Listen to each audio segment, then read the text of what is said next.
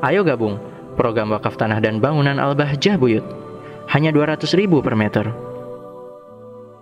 wala yu'di ayya makhlukin biyadi dan juga dia tidak akan menyakiti siapa pun dari manusia dengan tangannya gak bakal dia nyakiti kalau orang yang punya punya harga diri yang punya harga diri yang yang yang besar menjaga nggak mau dia nyakiti orang. Karena dia mikir kalau nyakiti orang tersakiti maka juga kita kalau disakitin pun bisa sakit.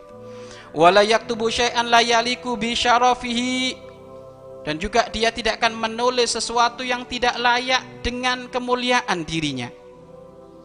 Tidak asal-asal kalau posting sesuatu nggak asal-asal. Postingannya postingan yang menjaga yang ditulis di media sosialnya adalah sesuatu yang bermanfaat kenapa?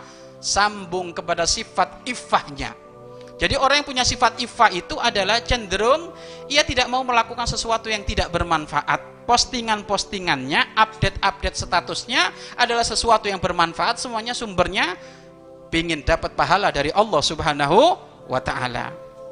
Loh kalau sesuatu yang tidak manfaat nggak mau ditulis ada di media, maka tidak mungkin dia akan mencaci maki, menuduh orang, curhat sembarangan ada di media. Ya nggak mau.